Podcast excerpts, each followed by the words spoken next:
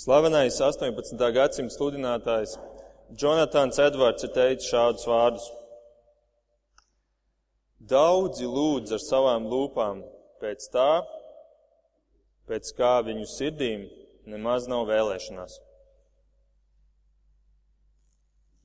Mūsu Tēvs debesīs, svētīts lai top tavs vārds, lai blā, blā, blā, blā, blā, blā, blā, blā. Un kādu no jums teiks, Marks, kā tu vari tā teikt? Blā, blā, blā, tik necienīgi. Bet ziniet, es ticu, ka tieši šādi Dievs bieži vien dzird daudzas mūsu lūgšanas. Tas gan nāk no mūsu lūpām, bet ne no mūsu sirds, un, un bieži vien pat mūsu domas ir tālu prom no tām. Un par to arī mēs šodien runāsim un domāsim. Jo, jo īpaši tas attiecās uz šo lūgšanu mūsu Tēvs debesīs. Šo tēvreizi, kā daži viņu sauc, un kura bieži vien vairāk ir kā tāda reize, nevis kā lūgšana.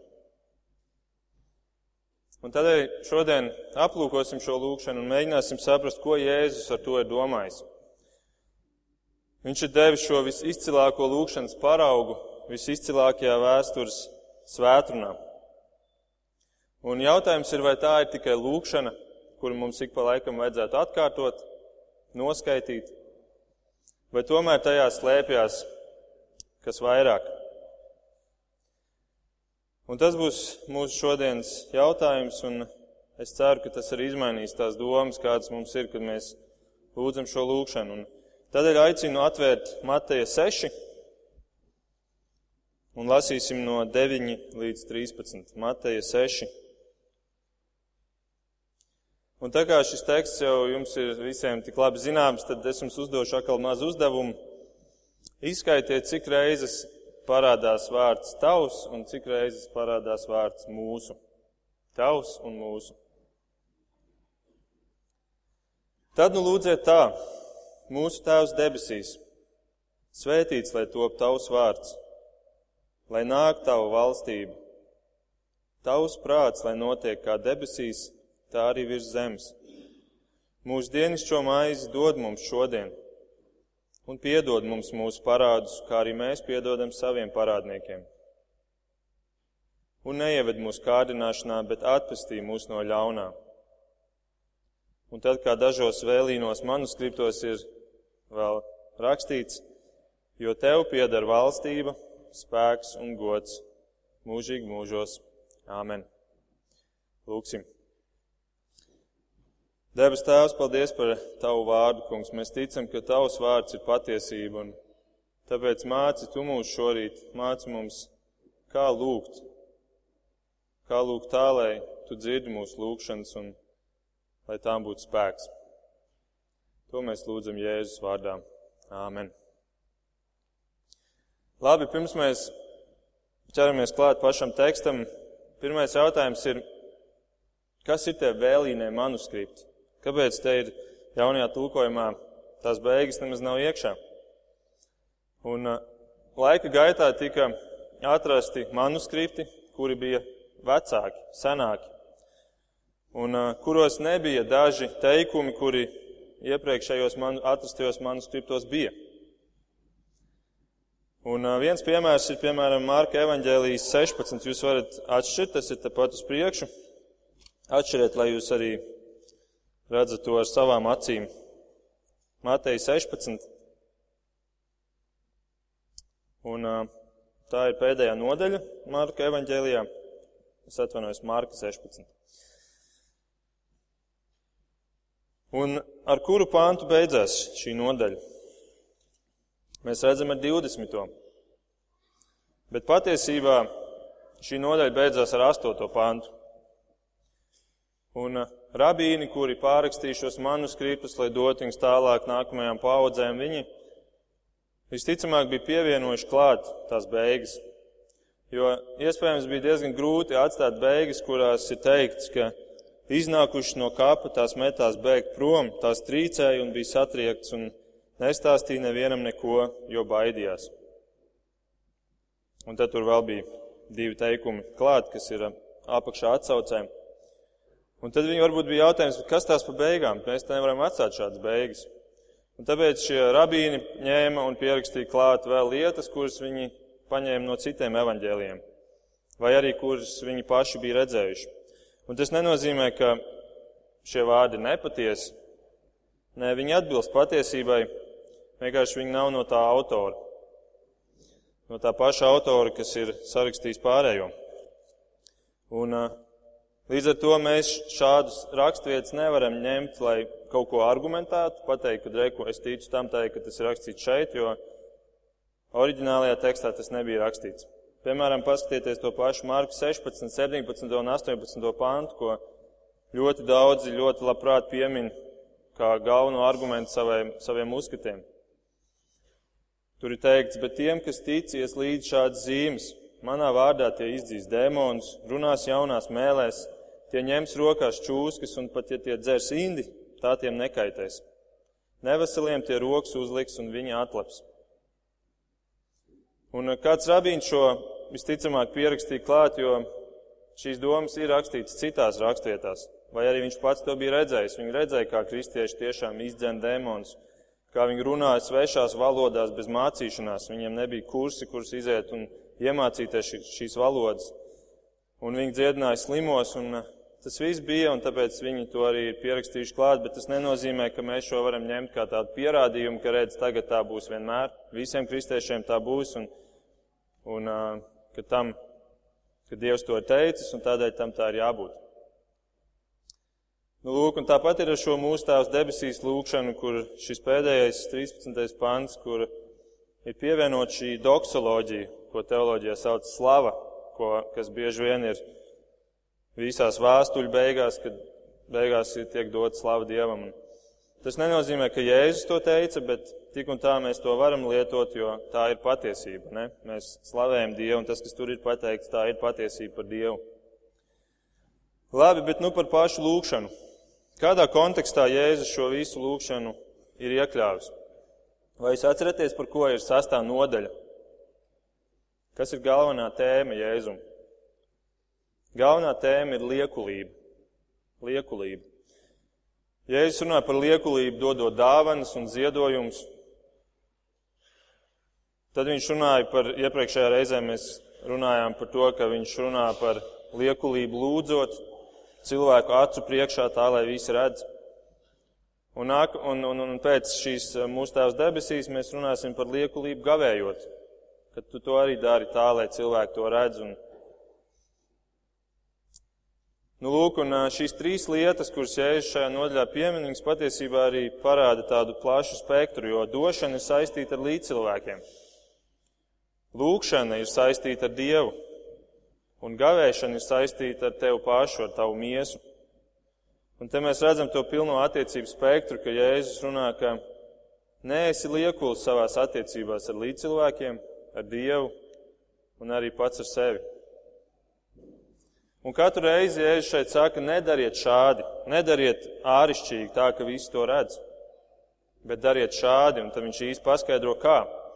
Bet tikai par lūkšanu viņš dod izsmeļošu paskaidrojumu, tikai par lūkšanu viņš dod konkrētu piemēru. Ne tikai īsi divos teikumos dariet šitā, bet es jums pateikšu, kā jums ir jālūdz. Un tas parāda, ka lūkšana ir svarīgākā no šīm trim tēmām. Jo bez lūkšanas gavēšana ir bezjēdzīga, kā mēs to redzēsim vēlāk. Un tāpat arī ar ziedošanu, ja, ja, ja lūkšana ir tā, kas parāda, kādas ir tavas attiecības ar Dievu, kāda ir tava komunikācija ar Dievu, un ja tavs lūkšanas nav kārtībā, tava komunikācija ar Dievu nav kārtībā, tad ir maz ticams, ka tu būsi gatavs komunicēt ar cilvēkiem, dodot viņam ar priecīgu sirdi. Tādēļ lūkšana ir tik ļoti svarīga tēma. Un un Jēzus velta īpašu uzmanību šai tēmai. Un patiesībā nobrieduši kristiešu dzīvē ir tādas divas galvenās disciplīnas. Tādas divas disciplīnas, kuras liecina par, par briedumu. Viena ir lūkšana, kāda ir tava lūkšana dzīve, un otra ir Dieva vārdu studēšana. Jo tie ir divi komunikācijas kanāli. Lūkšana ir mūsu vārdi Dievam, Bet Dieva vārds, kā jau tas pats par sevi pasaka priekšā ir Dieva vārdi mums. Un, ja mēs paņemam šīs abas lietas, tad pirmā secībā ir Dieva vārdu studēšana. Jo, ja, ja, mēs, ja mums nebūtu Dieva vārda, mēs nezinātu, kā lūgt, ne? Bez pirmā mēs nezinātu, kā veikt otro. Un tādēļ Jēzus to mums māca šeit, šodien, šajā rakstvietā. Un kādi cilvēki varbūt saka, o, es pazīstu to un to, kristieti, viņš ir tik garīgs cilvēks, viņš lūdz visu dienu, viņš lūdz tik daudz, un viņš lūdz tik daudz, ka viņam pat nav vajadzīga Dieva vārda studēšana. Bet ziniet, ja viņš tiešām, ja viņš studētu Dieva vārdu, tad viņam iespējams nebūtu jālūdz tik daudz. Jo cilvēki mēdz lūgt par lietām, par kurām viņiem nemaz nav jālūdz. Par kuriem, ja viņi zinātu, ko Dieva vārds māca, viņiem nemaz nebūtu jālūdz par šādām lietām. Piemēram, Kristieši lūdz, dod man svēto garu, bet tev jau ir svētais gars. Kristiešiem jau ir svētais gars. Vai arī kristieši lūdz, kungs, nāc un esi ar mums. Bet Dieva vārds māca, ka es būšu ar jums vienmēr. No tā brīža, kad es ienāku jūsos, es esmu ar jums vienmēr. Tādēļ Dieva vārdu studēšana ir ļoti svarīga efektīvai lūkšanas dzīvē. Un apstuļi to bija pareizi sapratuši, ja mēs lasam ko viņi saka apstuļu darbos 6.4, tad viņi saka tā. Bet mēs pastāvīgi paliksim lūkšanās un kalpošanā ar vārdu. Mēs pastāvīgi paliksim lūkšanās un kalpošanā ar vārdu. Jo tā ir tā komunikācija uz abām pusēm. Un ievērojot, cik bieži viņi apņemās lūgt, viņi saka, mēs pastāvīgi paliksim lūkšanās. Tad visu laiku nepārtraukti Un Pāvils arī to pašu raksta vēlāk 1. tesaloniķiešiem 5.16. Viņš saka, lūdziet Dievu bez mitēšanās. Bez mitēšanās, pastāvīgi, nepārtraukti. Dod dāvanas un ziedot mēs nevaram pastāvīgi, ne? bez mitēšanās. Tad, mēs, tad mums sekot bankrots. Gavēt mēs nevaram bez mitēšanās. Man nav jāapskaidro, kādēļ, bet lūgt Lūk, mēs varam bez mitēšanās, un mēs pat esam aicināti lūdzēt Dievu bez mitēšanās.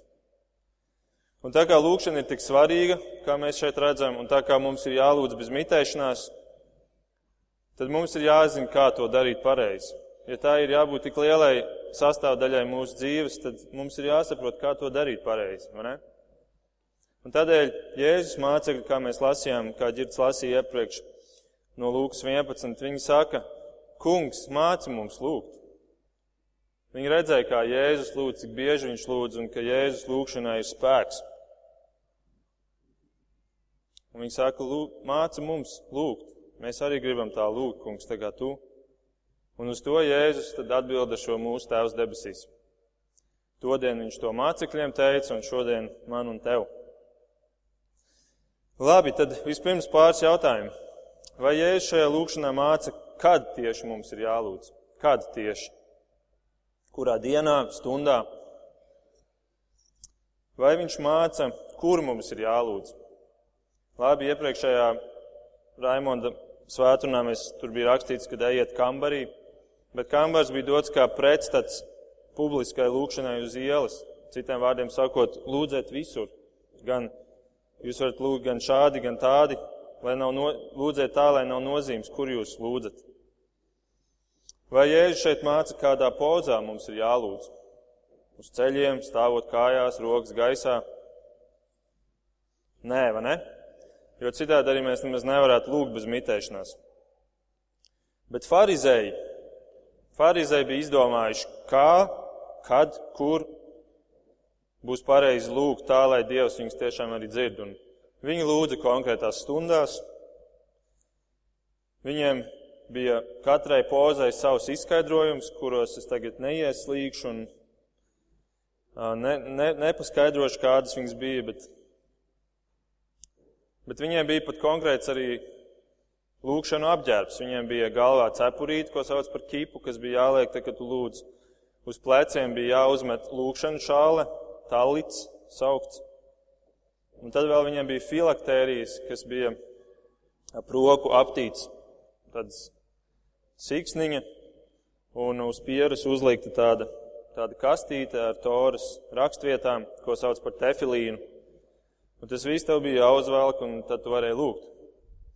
Un savā ziņā, jā, šīs lietas vecajā derībā Mūzes bija arī pavēlējis.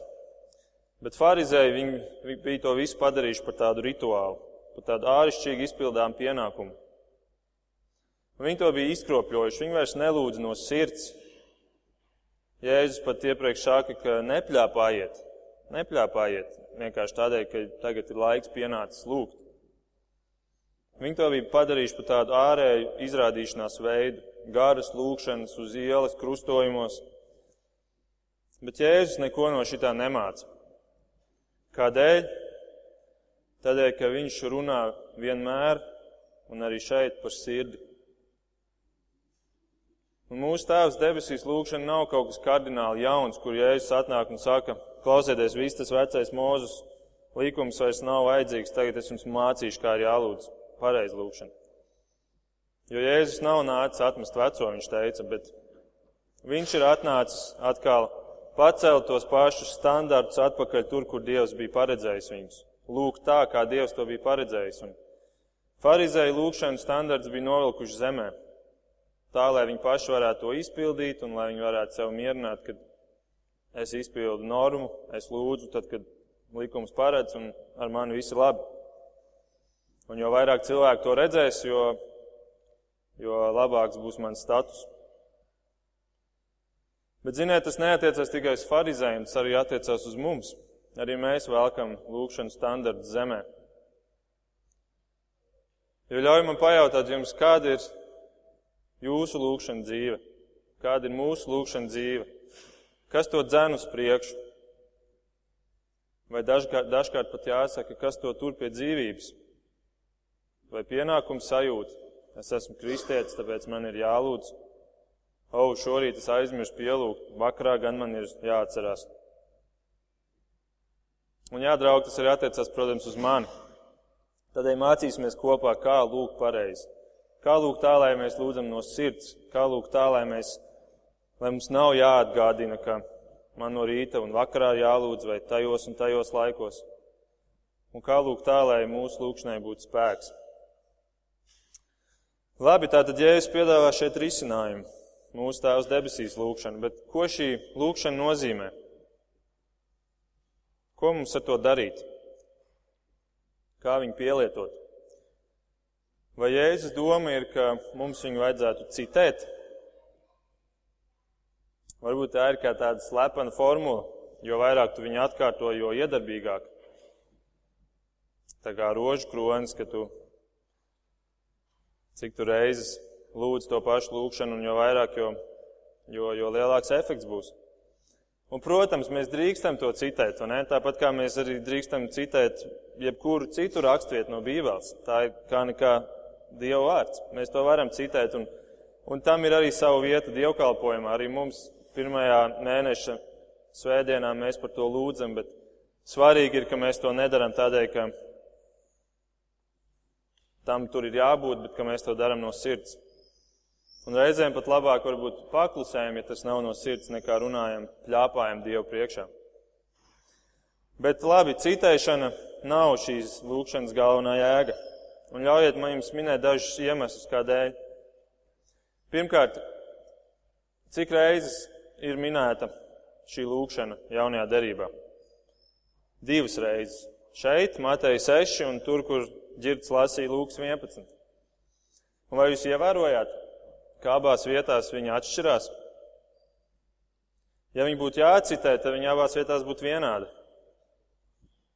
Ja būtu paredzēts mums iemācīties viņu no galvas un tad noskaitīt, tad būtu abas versijas vienādas. Otrakārt, cik reižu mēs jaunajā derībā lasām, ka kāds šo lūgšanu arī tiešām lūdz šādā formā.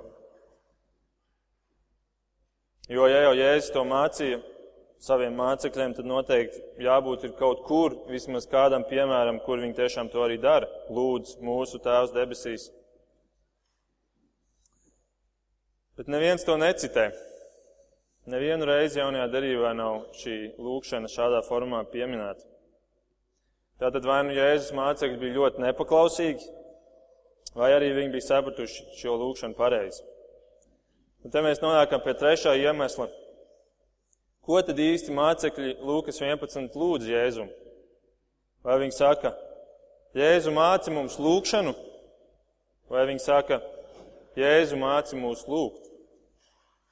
Māci mums lūgšanu vai māci mums lūgt? Mēs redzam, ka tur ir teikts māci lūgt. Un tādēļ arī Mateja 6 šeit mūsu rakstvietā Jēzus saka, lūdziet tā, vai lūdziet šādi, nevis lūdziet šo. Viņš nesaka lūdziet šo, bet lūdziet tā. Un ja es ņemtu kādu lūkšanu grāmatu un atšķirtu tagad kādu lūkšanu un mācītos šo lūkšanu, tad tas ir kaut kas cits nekā mācīties lūgt, vai ne? Iemācīties kādu lūkšanu nav tas pats, ko, ko nozīmē mācīties lūgt. Un tātad Jēzus šeit māca, kā lūgt, nevis ko lūgt. Kā lūgt, nevis ko lūgt. Un tādēļ, draugi, šī nav tāda gatava formula, ko mēs tagad varam ņemt un noskaitīt, bet šis ir modelis, kādai ir jābūt lūkšanai. Šī ir struktūra, no kā ir jāsastāv tavai lūkšanai. Kāds ir teicis, tas ir skelets, kuram mums ir jāliek virsū gaļa un āda.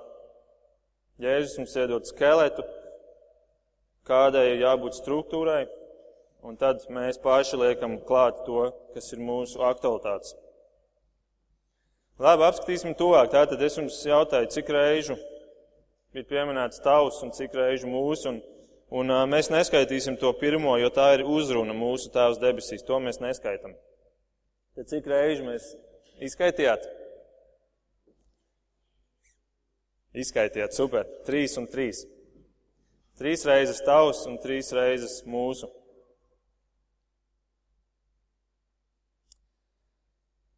Nākamais jautājums, kādā secībā ir šie tavs un mūsu? Mēs redzam, ka pirmie trīs visi ir, ir visos trijos ir runa par tavs, par tevi, Dievs. Un tikai tad seko nākamajos trijos mūsu. Un te mēs jau redzam šo galveno uzbūvu, ka visu pirms runa ir par Dievu. Un tikai tad mēs sākam runāt par mums. Bet šajā lūkšanā ir vēl daudz vairāk.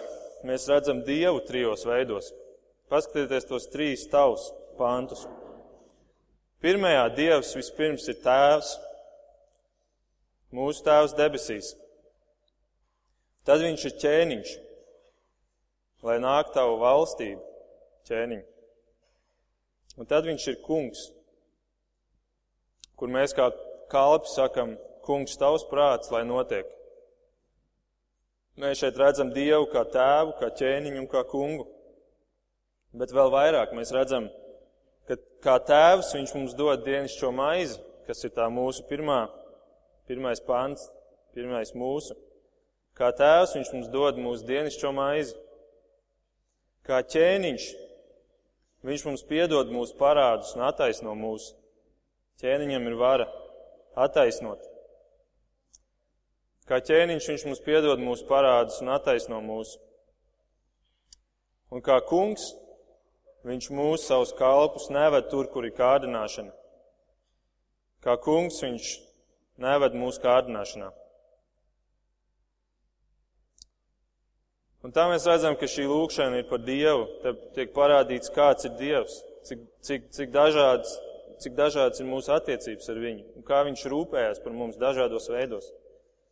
Bet mēs varam paskatīties arī no cita rakursa. Paskatāmies uz tiem trīs mūsu pantiem. Pirmais ir maize, otrais ir par grēkiem, ja parādiem, un trešais ir par kārdināšanu. Maize tā ir pagātne. Es atvainojos, maize tā ir tagadne. Parādi tā ir pagātne. Es uzkrāju savus parādus pagātnē. Un nevest kārdināšanā tā ir nākotne. Dienišķā maize ir tagadne, parādi ir pagātne, un vešana kārdināšanā ir nākotne. Un tā nu šī īsā lūkšana, šie daži panti iekļauj Dieva gādību par mums pagātnē, tagadnē un nākotnē. Tāds ir mūsu Dievs, mūsu Tēvs. Vai vēl no citas skatu punkta? Maize ir fiziskais. Piedošana ir mentālais, jeb man nokrīt nasta un es jūtos atbrīvots. Bet nevešana kārdināšanā tas ir garīgais, tur ir runa par grēku. Un tā un šī īsā lūkšana arī iekļauj Dievu gādību par mūsu fizisko, par mūsu mentālo un par mūsu garīgo dzīvi. Un jūs jau redzat, ir, ja es šajā laikā nevarētu iekļaut vēl visus tos veidus, ko teologi ir atraduši, kā vēl, ko vēl šī lūkšana satur, bet mēs jau redzam, ka cilvēks nekad nespēja tik īsā formā, tik kodolīgā veidā pateikt tik daudz. Un, un šis ir kārtējais pierādījums, ka šī Dieva vārda autors ir Dievs. Labi, bet jūs redzat, galvenais fokus šeit ir uz Dievu, nevis uz mums. Manas vajadzības ir Dieva rokās. Manas vajadzības ir pakļautas Dieva gribai. Un tā nu, lūkšanas mērķis nav mainīt Dieva gribu, bet mainīt mani, lai es kļūtu derīgs Dieva gribai. Lūkšanas mērķis nav mainīt Dieva, dieva gribu, bet mainīt mani, lai es kļūtu derīgs Dieva gribai. Tēvs dod man dienascho maizi, ja tas pagodina tavu vārdu. Tēvs piedod man manus grēkus, ja tas ceļ tavu valstību. Tēvs neieved man kārdināšanā, ja caur to tu vari kļūt par manas dzīves kungu.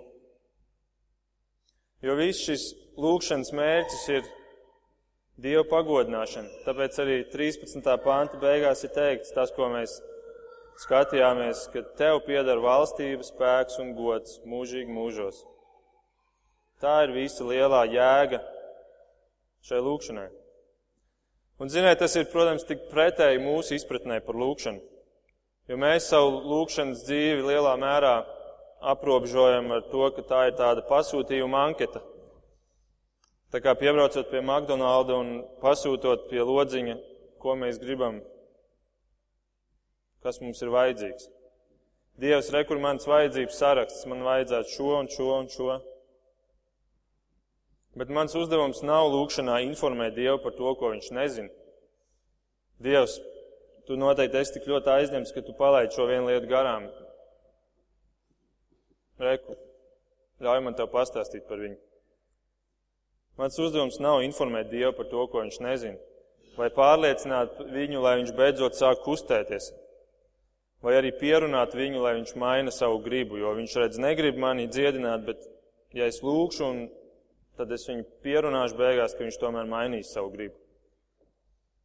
Nē, mans uzdevums ir mainīt sevi, lai mana griba kļūtu vienāda, jeb viena ar viņa gribu. Un tas ir tas galvenais mērķis lūkšanai. Tas ir mērķis numur viens - Dieva pagodināšana. Un klausieties, ko Jēzus saka Jāņa 14.13, kas ir Jēzus formulējums tam, kādēļ viņš paklausīs lūkšanu. Viņš saka, ko vien jūs manā vārdā lūksiet, to es darīšu, lai, lai tēvs tiktu pagodināts dēlā. Kādēļ Jēzus izpildīs tavu lūgšanu? Tādēļ, lai tēvs tiktu pagodināts. Tātad tavs uzdevums ir izprast, kas tad ir tas, kas pagodina man tēvu, kas ir mana tēva griba. Un apstults Jānis 1. Jāņu vēstulē 5.14 pasaka līdzīgi to pašu domu. Viņš saka, šāda paļāvība mums ir uz viņu. Ja mēs ko lūdzam pēc viņa gribas, tad viņš mūs uzklausa. Ja mēs ko lūdzam pēc viņa gribas, viņš mūs uzklausa. Redzat? Nevis tu izmainīsi viņa gribu, bet tev ir jāizmaina sava griba, lai tā saskanētu ar viņa gribu. Un tad tavs lūgšanas arī tiks uzklausīts. Un te mēs arī redzam to nepieciešamību pēc tās otras disciplīnas, ko es minēju, pēc dievvvārdu studēšanas, caur kuru tu sāksi izprast viņa gribu. Tu pats to neizdomāsi, tāpēc ņem Dievu vārdu, Viņš to grib to atklāt, Viņš grib tev ļaut saprast, kas ir tā viņa griba. Un, protams, tev ir tiesības lūgt, kā vien tu vēlies un ko vien tu gribi. Bet, ja tu vēlies efektīvas lūgšanas, tad izprot viņu gribu un sašaurini to, par ko tu tagad gribi lūgt. Tu sāk saprast par to, par ko ir vērts lūgt un, un kuras lietas nemaz nevar būt Dieva griba. Un atceries Jākaba 5.16, ka taisna lūdzēja lūgšanas spēja panākt daudz. Nevis vienkārši jebkādas lūgšanas, bet taisni cilvēki.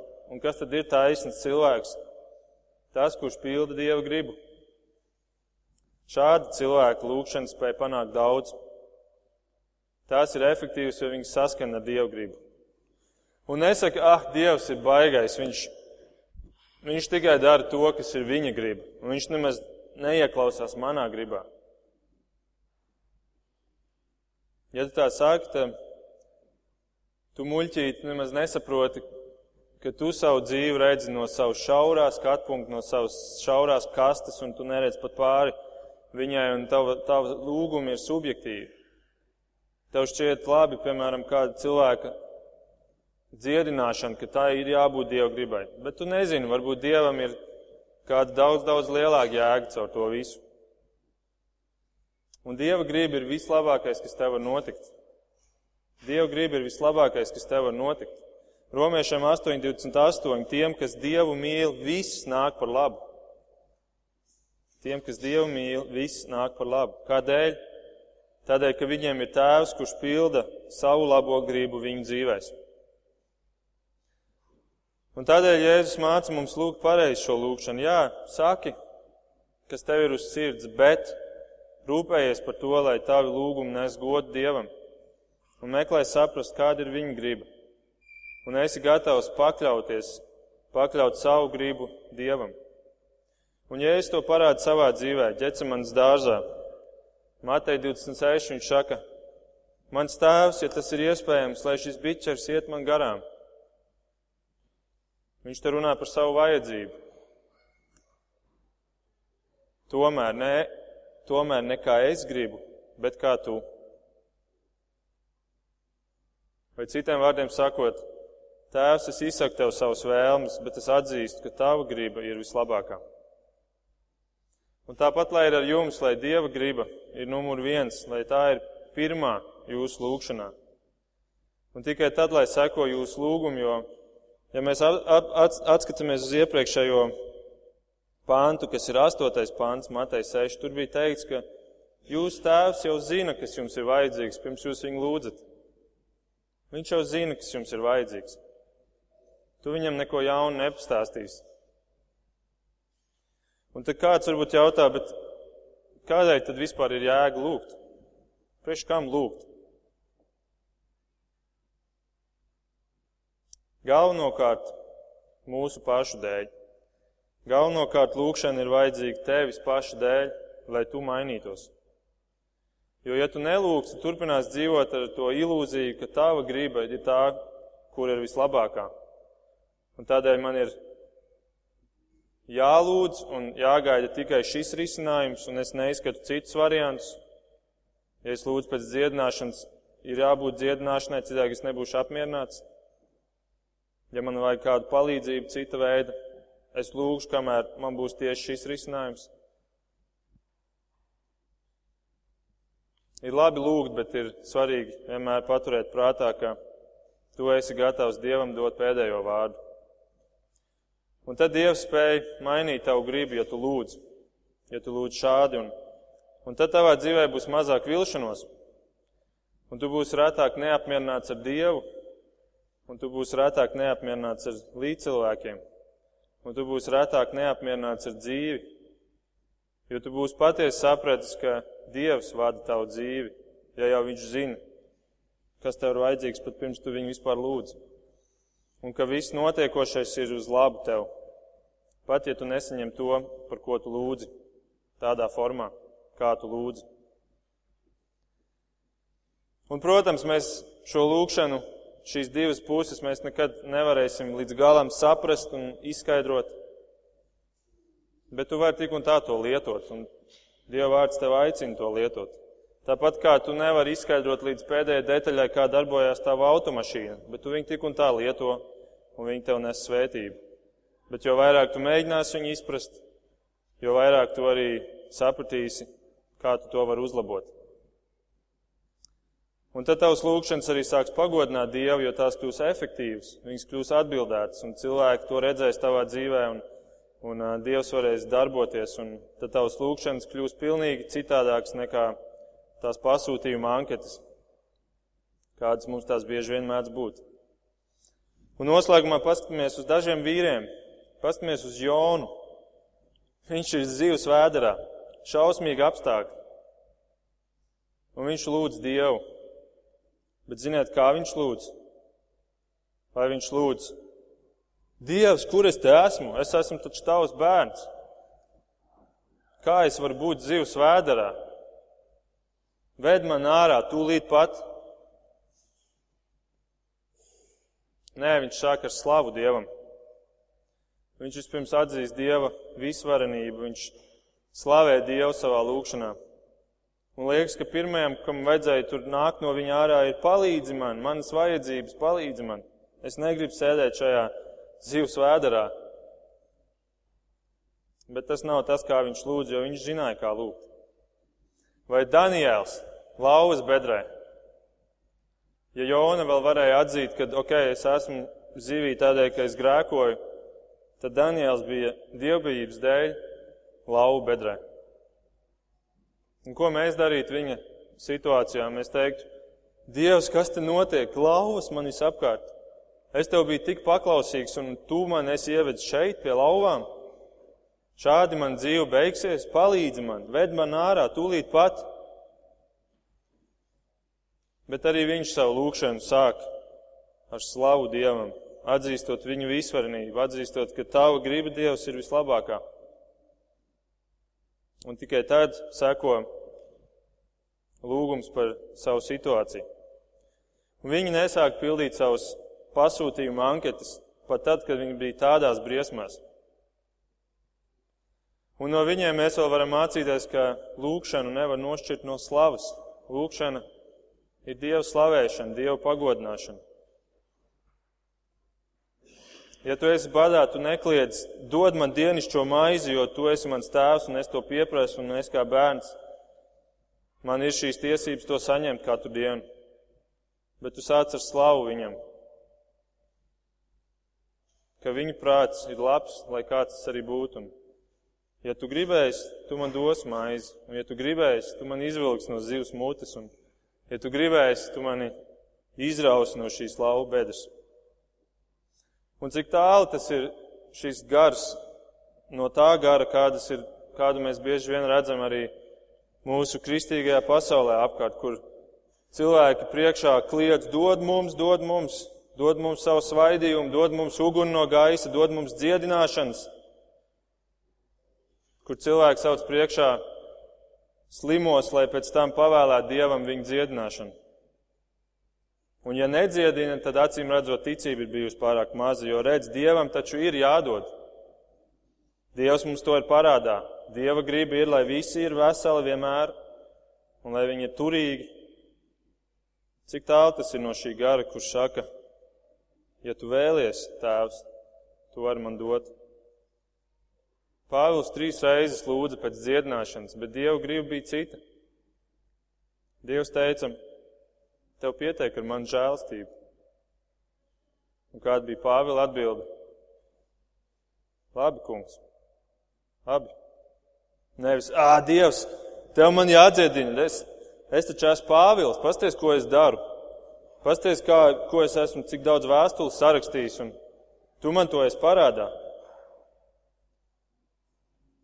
Un, ziniet, ja lūkšana mums nenes neko vairāk kā tikai veidu, kā slavēt Dievu, tad tas būtu pietiekams iemesls, lai diendienā viņu lūgtu. Tas būtu pietiekams iemesls, lai diendienā viņu lūgtu. Un tādēļ noslēgšu vēlreiz ar 1. tesaloņķiešiem 5. Lūdziet bez mitēšanās Dievu, par visu esiet pateicīgi, jo tāda ir Dieva griba Kristu Jēzu attiecībā uz jums. Šis bija ievads. Nākamreiz mēs apskatīsimies konkrēti šīs sešas lūgumus. Lūksim Dievu.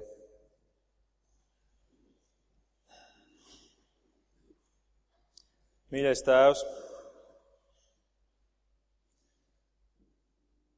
paldies Tev, ka Tu esi visvarens. Paldies, ka Tu esi solījis, ka Tu dari visu mūsu Tavu bērnu labā. Un pat tad, kad ir grūtības, un pat tad, kad mēs nesaprotam, kādēļ notiek kādas lietas, tomēr mēs varam uzticēties Tev, ka Tu zini, kas notiek. Un Tava grība ir vislabākā, kungs, un tāpēc māci mums lūgt tā, kā tu to esi. Vēlējies, kungs, tā, lai mēs dotu tev godu, un, un lai arī tās vajadzības, kas mums ir, kungs, lai, lai tu viņus varētu apmierināt, lai tu varētu dot mums to, ko tu vēlies mums dot, kungs, bet ka mēs vienmēr būtu gatavi tavam prātam. To mēs lūdzam Jēzus tavā vārdā. Āmen.